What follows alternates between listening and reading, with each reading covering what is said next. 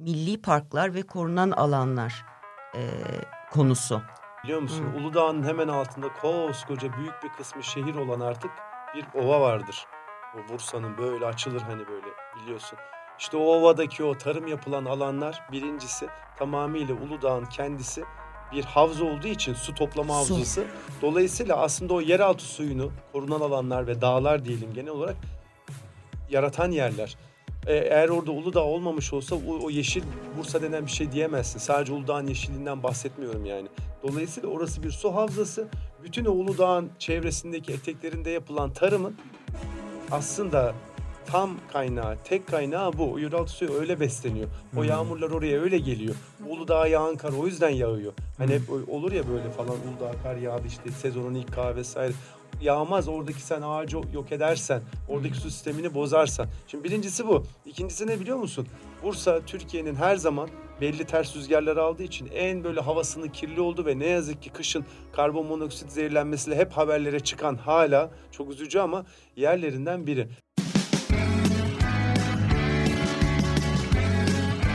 Oku, dinle, izle.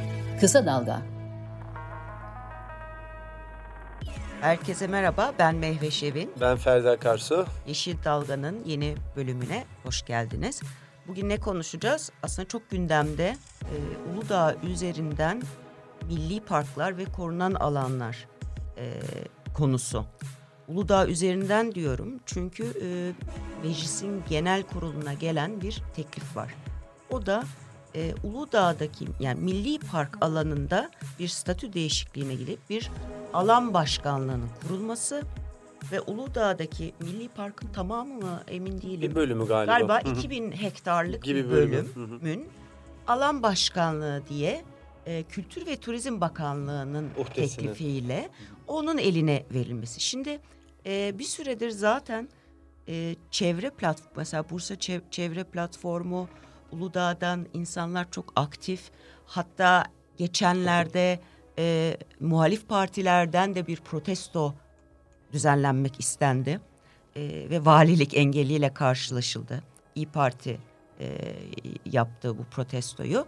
E, bir yandan çeşitli kurumlardan da böyle bu konuya yönelik eleştiriler var. Mesela Tema Vakfı evet. gibi. Şimdi öncelikle şunu anlayalım istiyorsan e, Ferdi. Yani dinleyicilere de anlatmak için. Şimdi Milli Park deniyor, Ramsar deniyor, işte e, yerel ve uluslararası bir takım hukuki düzenlemeler var doğayı korumayla ilgili. Bunlar birbirine karıştırılıyor. Uludağ konuşuyoruz ama Uludağ üzerinden bunu bir konuşalım. Çünkü Uludağ'da bir milli park statüsü var. Ee, bunun üzerinden istiyorsan milli park statüsü nedir? Tamam. Korunan alan aynı nedir? şey midir? Onu bir anlat bize. Tamam yani çok böyle yine 101 gibi girelim o zaman madem. Evet. Korunan alan diye bir şey var tüm dünyada. Hı hı. Ee, bu korunan alanlar günümüze değin ülkelerin kendi mevzuatlarıyla farklılık gösterdi. Ama ilk çıktığı yer hani hep de bilinen, bilinen de odur. Yellowstone e, Milli Parkı. Hmm. Dünyadaki korunal alanın hani böyle bilindiği böyle dünyaya yayıldığı o kavramın çıktığı yerdir Yellowstone. Amerika. Amerika aynen şu kurtlarla ünlü olan hani 90'larda yeniden salınıyor. Ama hani o konsept gene Avrupa'dan aslında Hollanda'dan belli bir ormanlık alanın korunmasıyla ta 1800'lere dayanan bir mantıkla geliyor. Bir alanın korunması hikayesi. Hı hı. Ama onun eteği kömüğe bürünüp bir kanun nazarında e, işte hani ortaya çıkıyor olması Yellowstone'daki işte National Park diyor onlar. Biz onları da zaten oradan o yüzden Milli Park diye Türkçeleştirip çevirmişiz. Şimdi Türkiye'de de bunun karşılığı korunal alan ama bizde ortalık biraz karışık onu söyleyeyim. Şimdi Neden? dünyaya da gideceğiz. Çünkü bir şekilde çeşitli dönemlerde bu yani 1950'lerden sonraki çeşitli dönemlerde çok fazla sayıda farklı korunan alan tipi ortaya çıktı. Bunların ilki Milli Park. Hı hı. Tabiat parkları var. Tabiatı koruma alanları var. Yaban hayatı geliştirme sahaları var. Yaban hayatı koruma sahaları var. Ee, sulak alan koruma sahaları var. Ee, onun dışında özel çevre koruma bölgeleri var. Bakın ha. saydığım 7-8 oldu neredeyse. Şimdi millet bahçeleri devreye girdi. Bu da yeni Başka mesela. Başka bir şey canım o artık. Yani. Ama yani yasa nazarında yine belli bir alanın hani protected hale gelmesi. Evet o da bir korunalı alan sistemi hmm. gibi düşünün yani hani. Birazcık daha tabii daha kent içinde daha birazcık daha insana dair bir şey. Hani diğerlerinin de farkı şu Park onu söyleyeyim. Yahu, o. Park ama şöyle bir durum var. Yani yasa nazarında evet korunan alan adı oluyor. Anladım. Aradaki fark da şu. Diğer saydıklarımız o 7-8 tane olanların genelde mantığı şudur. Ya biyoçeşitlilik açısından kurttur, vaşaktır, şu bitkidir, endemiktir gibi özel şeyler vardır. Koruma altına alınmıştır. Ya unik, kendine özgü korunması gereken özel ekosistemler vardır. Mesela orman ekosistemi işte. Mesela maki ekosistemi hani ya da denizlerde gibi. Bazen de ikisi birlikte olur. Hem hmm. ekosistemi çok özeldir hem içinde de zaten endemik canlılar vardır. Yok olmak üzere olan canlılar vardır. Özel canlılar vardır gibi durumlar vardır. Bir alanı koruma alanı ilan edersiniz. Yani canlı türleri ve yaşam alanına göre. Şimdi birazcık bu demin söylediğimiz minnet bahçesi gibi durumlar biraz daha kent içinde aslında rekreasyonel şeyler. Hani yine ama yasa nazarında bir alanı koruyorsunuz. Ama hani içindekini seçerken hani birazcık daha insana dair bir nedenden dolayı seçiliyor. Ama diğerlerinde yani old fashion evet. olanlarda diyelim daha canlı ve alana dair oluyor. E şöyle bir şey soracağım tam bu noktada Ferdi. Ee, bu alanların bazıları birebir örtüşüyor. Bazıların belki sınırları e, çakışıyor. Do, yani Hı-hı. mantıken zaten öyle olması lazım. Ee, ama anladığım kadarıyla bu farklı tanımlamalarda da tabii şöyle şeyler. Mesela Milli Park'ın hani belli bir şeyi var, tanımı var. Ee, o orayı denetleyen kurumların belli yetkileri var ama ötekinin mesela başka yerdeki yetkileri karışıyor vesaire. Böyle bir durum e, Sen kibarsın durum diyorsun. Ben ona çorba diyorum. Ha. Çorba da kibar kaçtı o zaman. Aşure diyelim o zaman. Daha Aşure. tatlı olsun yani. Yani iyi yani karmaşıklaştırıp aslında bir, bir anlamda şu bu işleri sadeleştirmek e, tabii sadeleştirmek derken de alan başkanlığına geleceğim. Çünkü biraz da bu bahaneyle yani evet. biz burayı yönetemiyoruz işte koruyamıyoruz filan gibilerinden bir e, kılıfla sunuluyor ama işin aslı öyle değil. Değil ölümü gösterip sıt sıtmaya razı etmenin başka bir formasyonu. Şimdi şu bir gerçek onu söyleyelim. Dünyayı da geçeceğiz bundan sonra ama bir alana diyelim ki Gediz Deltası, diyelim ki Kızılırmak Deltası örnek veriyorum Manyas'a birden fazla koruma statüsü verdiğiniz zaman tam senin söylediğin şey oluyor. Mesela örnek vereyim. Şimdi biz orayı diyoruz ki burası doğal sit mesela. Hı hı. Aynı alan ama sınırları da aynı diyelim aşağı yukarı. Kimi zaman örtüşür, kimi zaman farklılaşır. Doğal sit dediğiniz zaman Kültür Turizm Bakanlığı. Hı. İşte onun kanunu, yönetmeliği falan filan. Farklı bak. Farklı. Hı. Uzmanı farklı, yasası farklı, izin verdikleri var farklı, vermedikleri farklı. Yaban hayatı geliştirme sahası dediniz. Hop gittik Orman Tarım. Bakanlığı'na. Tarım ve Tarım Orman. Bakanlığı'na. Orada orada başka bir onun bir yönetmeliği var. Dolayısıyla hani bu da bir olay. Ee, bambaşka bir yasalar silsilesi. izin verdikleri farklı, vermedikleri farklı. Milli Park diyorsunuz. Milli Park'ın kanunu ayrı izin verdiği var, vermediği var. Sulak alan diyorsunuz mesela diyelim ki orası aynı zamanda hop birden Ramsar'a gidiyorsunuz Hı. 2005 yılında. Orada dünyadan gelen bazı yapman gereken, yapmaman gerekenler var. Bu sefer ne oluyor biliyor musun? Ben o alanda diyelim ki Kızılırmak Deltası çok sevdiğimiz dünyanın en önemli deltalarından biri. Alanda Doğal nedenlerden dolayı velev ki bu çok azdır dünyada ama hele ki Türkiye'mizde çok çok azdır. Doğal nedenden dolayı bir alanın kötüye gitmesi ama genelde insan antropojenik nedenden olur. Hadi velev ki doğal nedenden olsun. Çok iyi niyetliyiz. Bugün iyi günümüzdeyiz. Kabul ettik onu.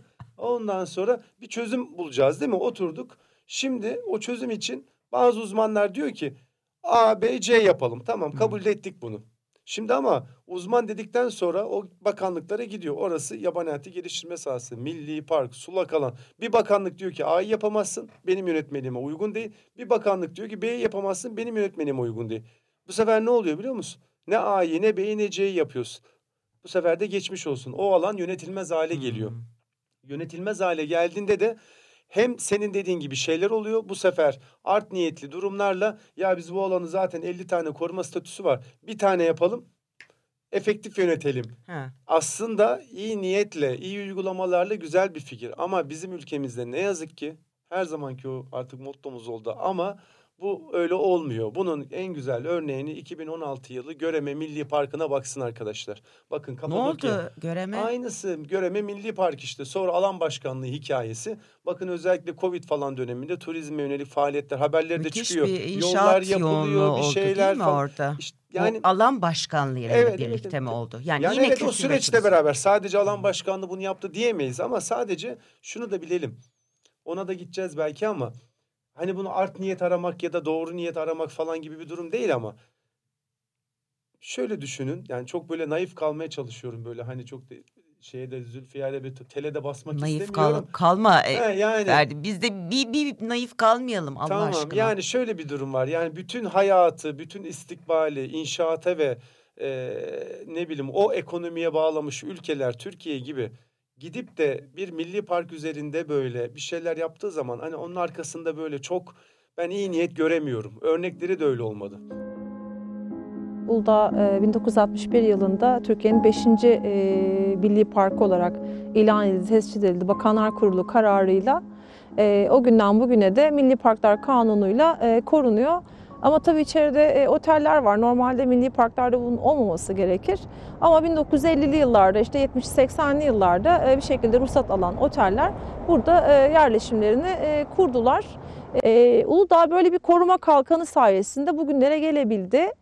Ee, ama bundan sonra Uludağ Alan Başkanlığı adı altında Bursa AKP milletvekillerinin e, verdiği yasa teklifiyle e, bambaşka bir statüye e, taşınmak isteniyor. Çünkü neden biliyor musunuz? Zaten normal alanları imara açma üzerinden bir ekonomi dönüp dolaşıyor. Şimdi niye peki diyeceksiniz hani Ferdi Hoca Milli Park'a yaban hayatı geçme sahasına gidiyor? Çünkü o alanlar kıymetli arkadaşlar. Turizm için kıymetli, imar için kıymetli. Çünkü zaten oranın korunan olması nedeni ne? Değerli olması. Tabii ki. Yani dolayısıyla oraya ev yaptığınız zaman da normalde bir tarlaya yaptığınızdan daha değerli. Hı-hı. Dolayısıyla birilerinin gözleri orayla ilgili her zaman böyle bir alarmda. Acaba seçim geliyor nereden kurtarırız? Acaba falanca oluyor nereden kurtarırız? O yüzden hep bu korunal alanlar üzerinde bu tür şeyler oluyor. O yüzden korunal alanlar üzerinde böyle bir yasa değişiklikleri falanlar filanlar olduğu zaman ben hemen hemen bir Evet. Bir, şüpheyle bir yaklaşmak lazım. Yani yaklaşıyoruz da Çünkü, gördük de.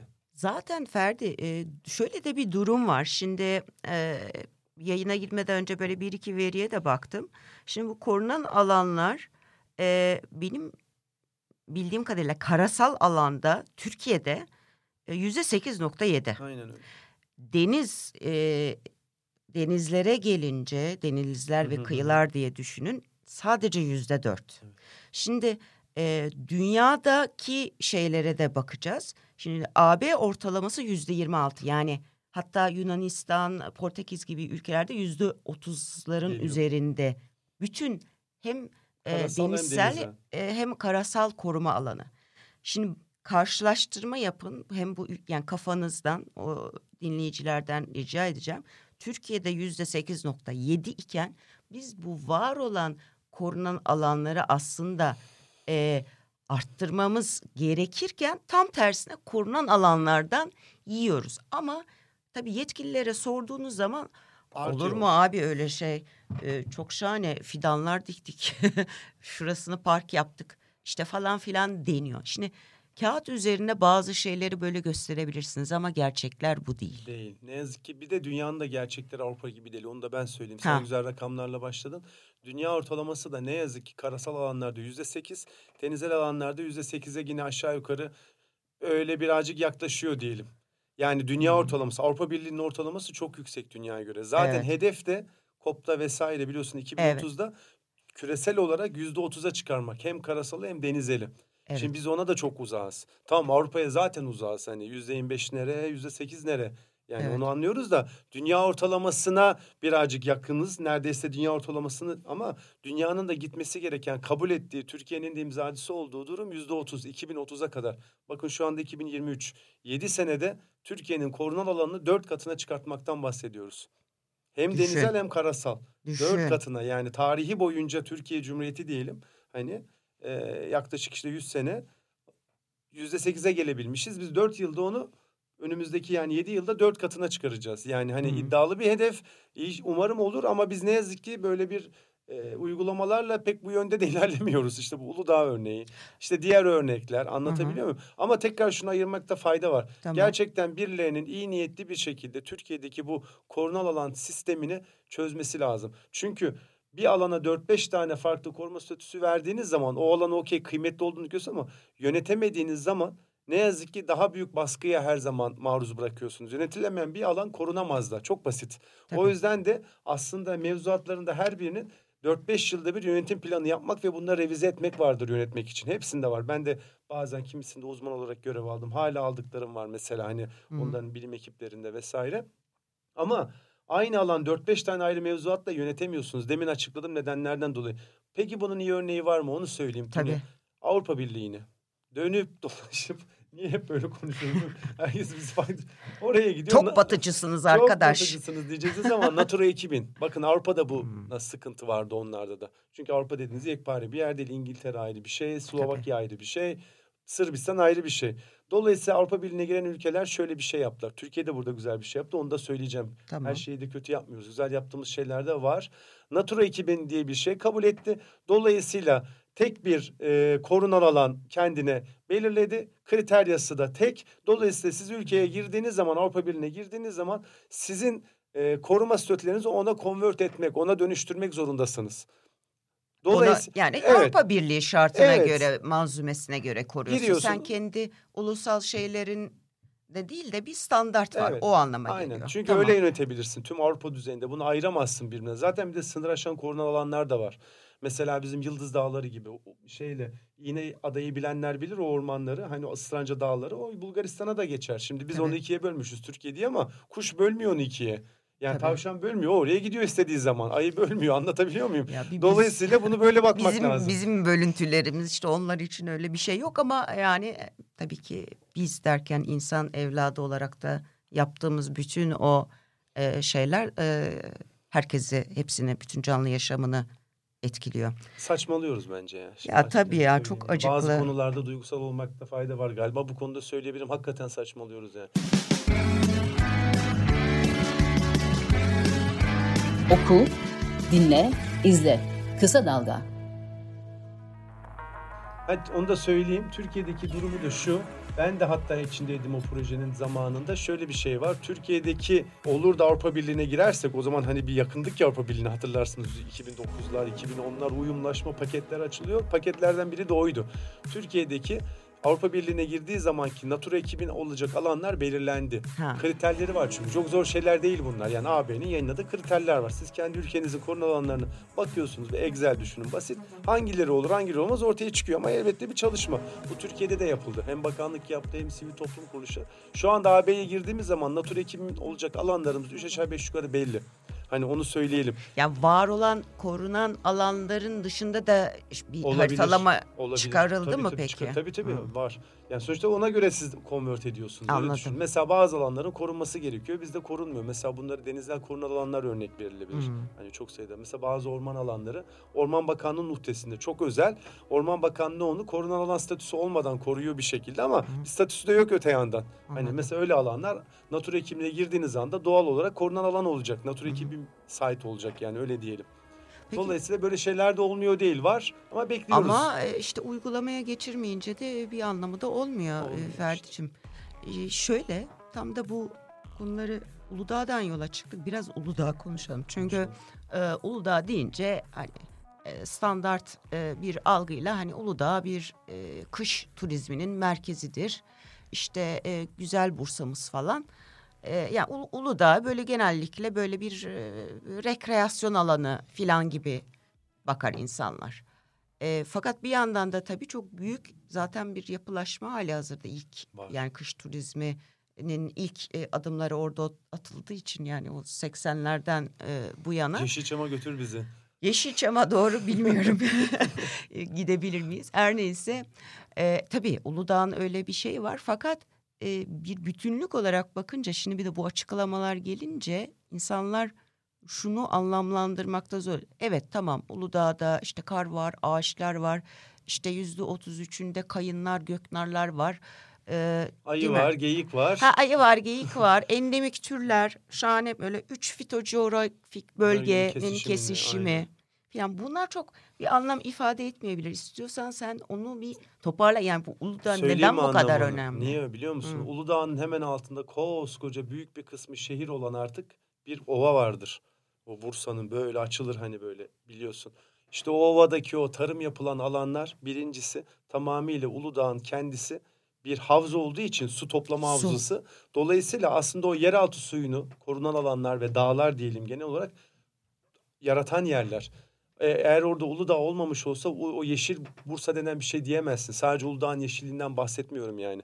Dolayısıyla orası bir su havzası. Bütün o Uludağ'ın çevresindeki eteklerinde yapılan tarımın aslında tam kaynağı, tek kaynağı bu. Yeraltı suyu öyle besleniyor. O hmm. yağmurlar oraya öyle geliyor. Uludağ'a yağan kar o yüzden yağıyor. Hani hmm. hep olur ya böyle falan Uludağ kar yağdı işte sezonun ilk kar vesaire yağmaz. Oradaki sen ağacı yok edersen, oradaki su sistemini bozarsan. Şimdi birincisi bu. İkincisi ne biliyor musun? Bursa Türkiye'nin her zaman belli ters rüzgarlar aldığı için en böyle havasının kirli oldu ve ne yazık ki kışın karbon monoksit zehirlenmesiyle hep haberlere çıkan hala çok üzücü ama yerlerinden biri. Evet. Dolayısıyla bugünlerde de herkes çok rahat görüyor. İstanbul'da, İzmir'de bakın haberlerde çıkıyor. Hava kirliliği falan filan. Hani bunun başka nedenleri de var. Millet parası, parasızlıktan, garibanlıktan doğalgaz yakamıyor. Oduna Kömür. kömüre döndü. Onu tabii, da biliyoruz ama tabii. öte yandan da ne biliyor musun? Bu tür korunal alanlar işte havayı temizleyen yapılar. Sen şimdi bunu Bursa'da yok etmeye adım adım gitmeye başlarsan e ondan sonra sen sadece doğalgaza geçtiğinde de kurtaramazsın. Doğalgazın da bir kirlilik yükü var. Evet. Dolayısıyla insanların onu da fark etmesi lazım. Yani Uludağ sadece ayı demek, akbaba demek, işte kayın demek, gökner demek falan değil yani. Sadece turizm demek değil. Aslında bu Bursa'yı yaşatan şeydir Uludağ. E zaten o o e, varlıkların, o canlıların orada olabilmesi zaten bu temizliğinden, e, bu doğasının e, onların yaşamasına olanak verdiği için yani onları aslında bir işaret gibi illa e, herkes hayvanları sevmeyebiliyor. Her çeşit canlıyı sevmeyebiliyor. E, de önem vermeyebiliyor. Ve zaten bu konularda da aslında çok bilgisiziz. Bir de böyle bir sorunumuz var bence. Yani kendi ülkemizdeki e, endemik bitkileri bile pek tanımıyoruz. E, bilgi olmayınca da tabii insan e, fazla da önem vermeyebiliyor. Yani nedir? Yani ya ona yani ayı bitkiye... dolmayı versin diyor mesela. Ha, ayı yani. geliyor. Karadeniz'de var diyor ha. bol bol. Yani Uludağ'da olmasın diyor. Kaz Dağları'nda işte, olmasın ne olur ha. diyor yani.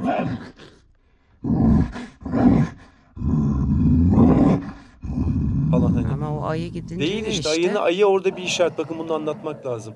Böyle ekolojik terimler birazcık ama mutlaka dinleyiciler böyle bizle dinledikten sonra keyword olarak anahtar kelime olarak aratsınlar. Şemsiye türler, gösterge türler diye kavramlar vardır. Bu nedir biliyor musunuz? Ayı tek başına ayı demek değildir. Eğer Uludağ'da ayı hala varsa o bir şemsiye, o bir indikatör türdür, gösterge. Hı hı. Şunu gösterir. Bir yerde ayı varsa onun altında sağlam hala güzel yaşayan bir ekosistem vardır demek. Çünkü yani, ayı en üst, en üst yukarıda orada predatör diyelim hani besin diyoruz ya zincirinin. Dolayısıyla onun demek ki hala onu besleyebilecek düzeyde ve kalitede ve yoğunlukta ve miktarda besin var. Bu besin sadece ot da değil. Ayı hem ot yer hem et yer öyle söyleyelim Hı-hı. hani genel olarak. Hı-hı. Dolayısıyla orada ayının yaşıyor olması aslında Uludağ'ın hala yaşıyor olduğunu gösteren bir şey bize. Yoksa bir tane ayı gitti ne olur canım bir ayı da gitsin dünyadan gibi bir şey değil. Bakın bundan altında hep bir aritmetik bir matematik var. Dolayısıyla orada ayının gitmesi demek aslında Uludağ'da ve Bursa'da hani Bursa'ya hayat veren dedik ya işte Uludağ yani bu entelektüel olarak da öyledir biliyor musun? Evet. Eskiden bir o peyzaj olarak falan bir Uludağ süliyeti vardı. Evet, hani böyle Bursa evet. süliyeti. Eteklerinde bir kent Nilüfer hemen üstünde falan. Şimdi sen onu yok ediyorsun demek. Yani hmm. ayı gidiyor sadece ayı gitmiyor. Aslında Bursa da gidecek. Günün sonunda Aslında Bursa'da sadece kaybolacak. Bursa'da değil e, Ferdi. Sen konuşurken düşündüm aslında bütün Marmara'yı etkileyen bir şey. Yani Marmara'sı. bütün Marmara, İstanbul yani bayağı yakın buradan gö gözle görebiliyorsunuz havanın açık olduğu Zamanlar. zamanlarda e, gayet güzel Anadolu yakasından da görülebilir. Ama e, işte yani bu söylediğin şeyler tabii e, hem çok önemli hem de insanın içini acıtıyor. E, çünkü hali hazırda e, büyük bir yapılaşma var. Madencilik Üstelik, var bir de orada. Ha madencilik var. var. Madencilikten de bahsedelim. Yani siz hem turizm hem madencilik hem yapılaşma hem o sanayi bölgesi. Aynı zamanda. Sanayi Oha bölgesi. Yani öyle olunca hem tarım. Şimdi bunların hepsi bir arada bir yere kadar olur. Çorba. Al sana çorba. bir çorba daha. O yüzden biz millet olarak çorba seviyoruz ya. Evet. Bak o yüzden belki de. Her şey bir şekilde Hayır, çorbaya de, çıkıyor. Sonra tabii halk sağlığı kısmı var ki o apayrı bir alan.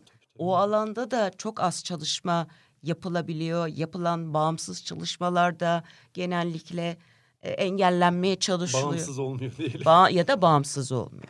Orada ne var biliyor musun? Ha. Onu açmak lazım. İnsanlar hani o bağlantıyı kuramayabilirler. Önleyici tıp denen bir şey vardır. Evet. Bakın arkadaşlar gelişmiş ülkeler bunu kullanır. O da çok basit olarak şu. Ben hasta olduktan sonra zaten bana bir şekilde dünyanın her yerinde bakılabiliyor. Kimisi yavaş, kimisi paralı, kimisi parasız. Bir şekilde tedavi alıyorum. Kimisi kaliteli, kimisi biraz daha kalitesiz. Ama gelişmiş ülke olmak demek şu. Ferdiyi hasta etmeden main nasıl diyeyim yaşatmak. Kore, yaşatmak. Evet hasta olduktan sonra zaten geçmiş olsun. Devlete bir yük, kendine bir yük, iş gücünden düşüyorsun. Psikolojik olarak hastayım diyorsun. Başkasını hasta etme potansiyelin artıyor. Sosyal sistemine bir baskı oluşuyor. Anlatabiliyor muyum? Hani bunu zaten evet. bir şekilde biliyoruz. İş, işin doğrusu önleyici tıp. Beni hasta yapmayan iklimler. O da ne? Temiz hava en önemlisi.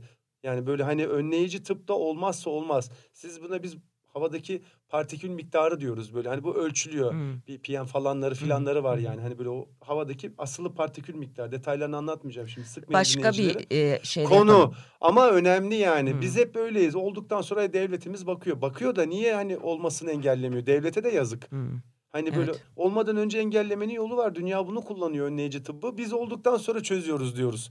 Halbuki olmayalım tarafı da var. Uludağ bunu da yapıyor.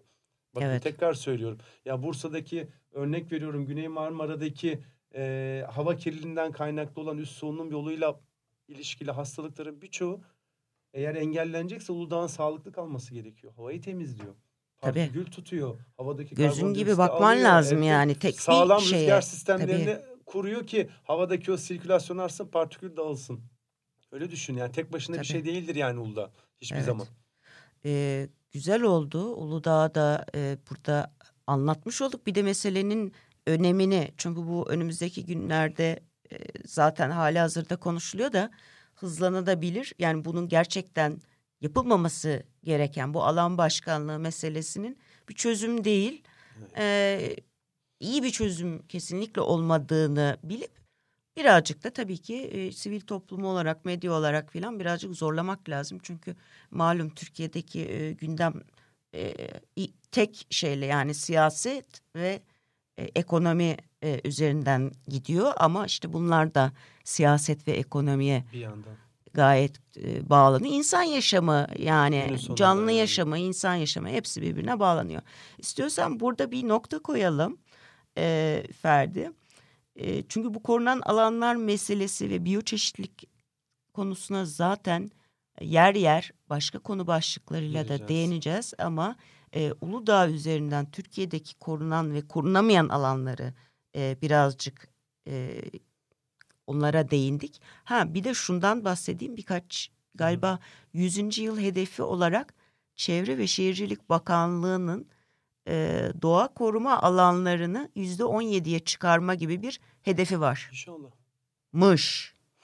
Mış. Zaten 30'a dedim ya yüzde otuz'a çıkarması gerekiyor tüm dünyanın. Yani Türkiye'de bunun burada on yedi diyor evet. daha işte yüzüncü yıl şey diye. Hani durum tekrar hatırlıyorum korunan alan yüzde sekiz nokta yedi. İki katı demek arkadaşlar kabaca. İki katı. Evet. Halbuki üç katına çıkarman gerekiyor ve şu anda da hani var olanı yiyorsun. Evet. Neyse şimdilik noktayı koyalım.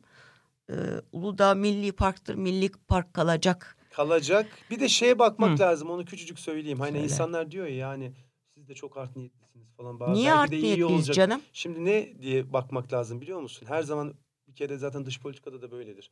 Münferit olayları ayrı değerlendirirsin. Genel politikayı ayrı değerlendirirsin.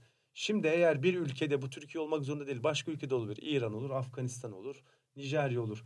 Koskoca bir milli park kanunu içinde, korunan alan sistemi içinde siz meclis düzeyinde, yönetmelik düzeyinde bir şey yapmayıp münferit olarak önce 2016'da Göreme Milli Parkı bakın tek. Hı. Şimdi Uludağ, yarın Ferdi Milli Parkı dediğiniz zaman zaten genel bir çözümden ziyade daha böyle bir Ali Cengizler hepimizin aklına geliyor. Halbuki çözüm işte dedik bir sorun var hakikaten. Tam da söyledin Ali ve Cengiz. Yani hani gibi yani neyse. Onu düşünerek söylememiştim ama iyi olmuş gerçekten bu arada.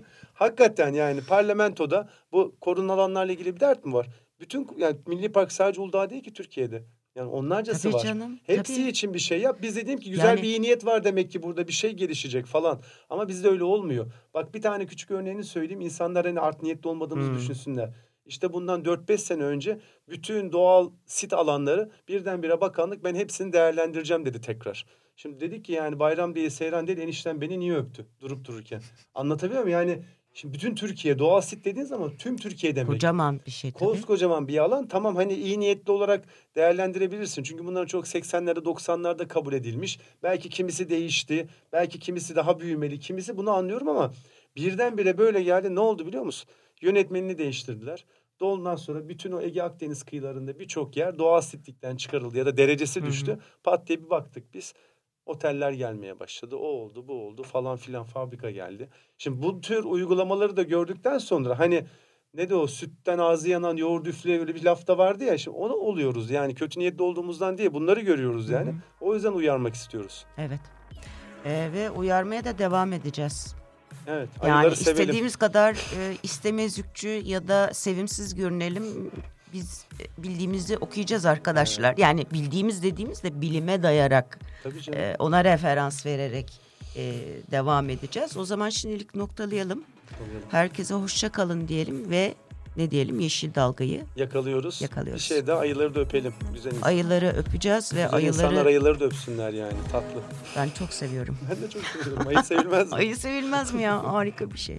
Tamam o zaman şimdilik bu kadar. Görüşmek üzere. Hoşçakalın.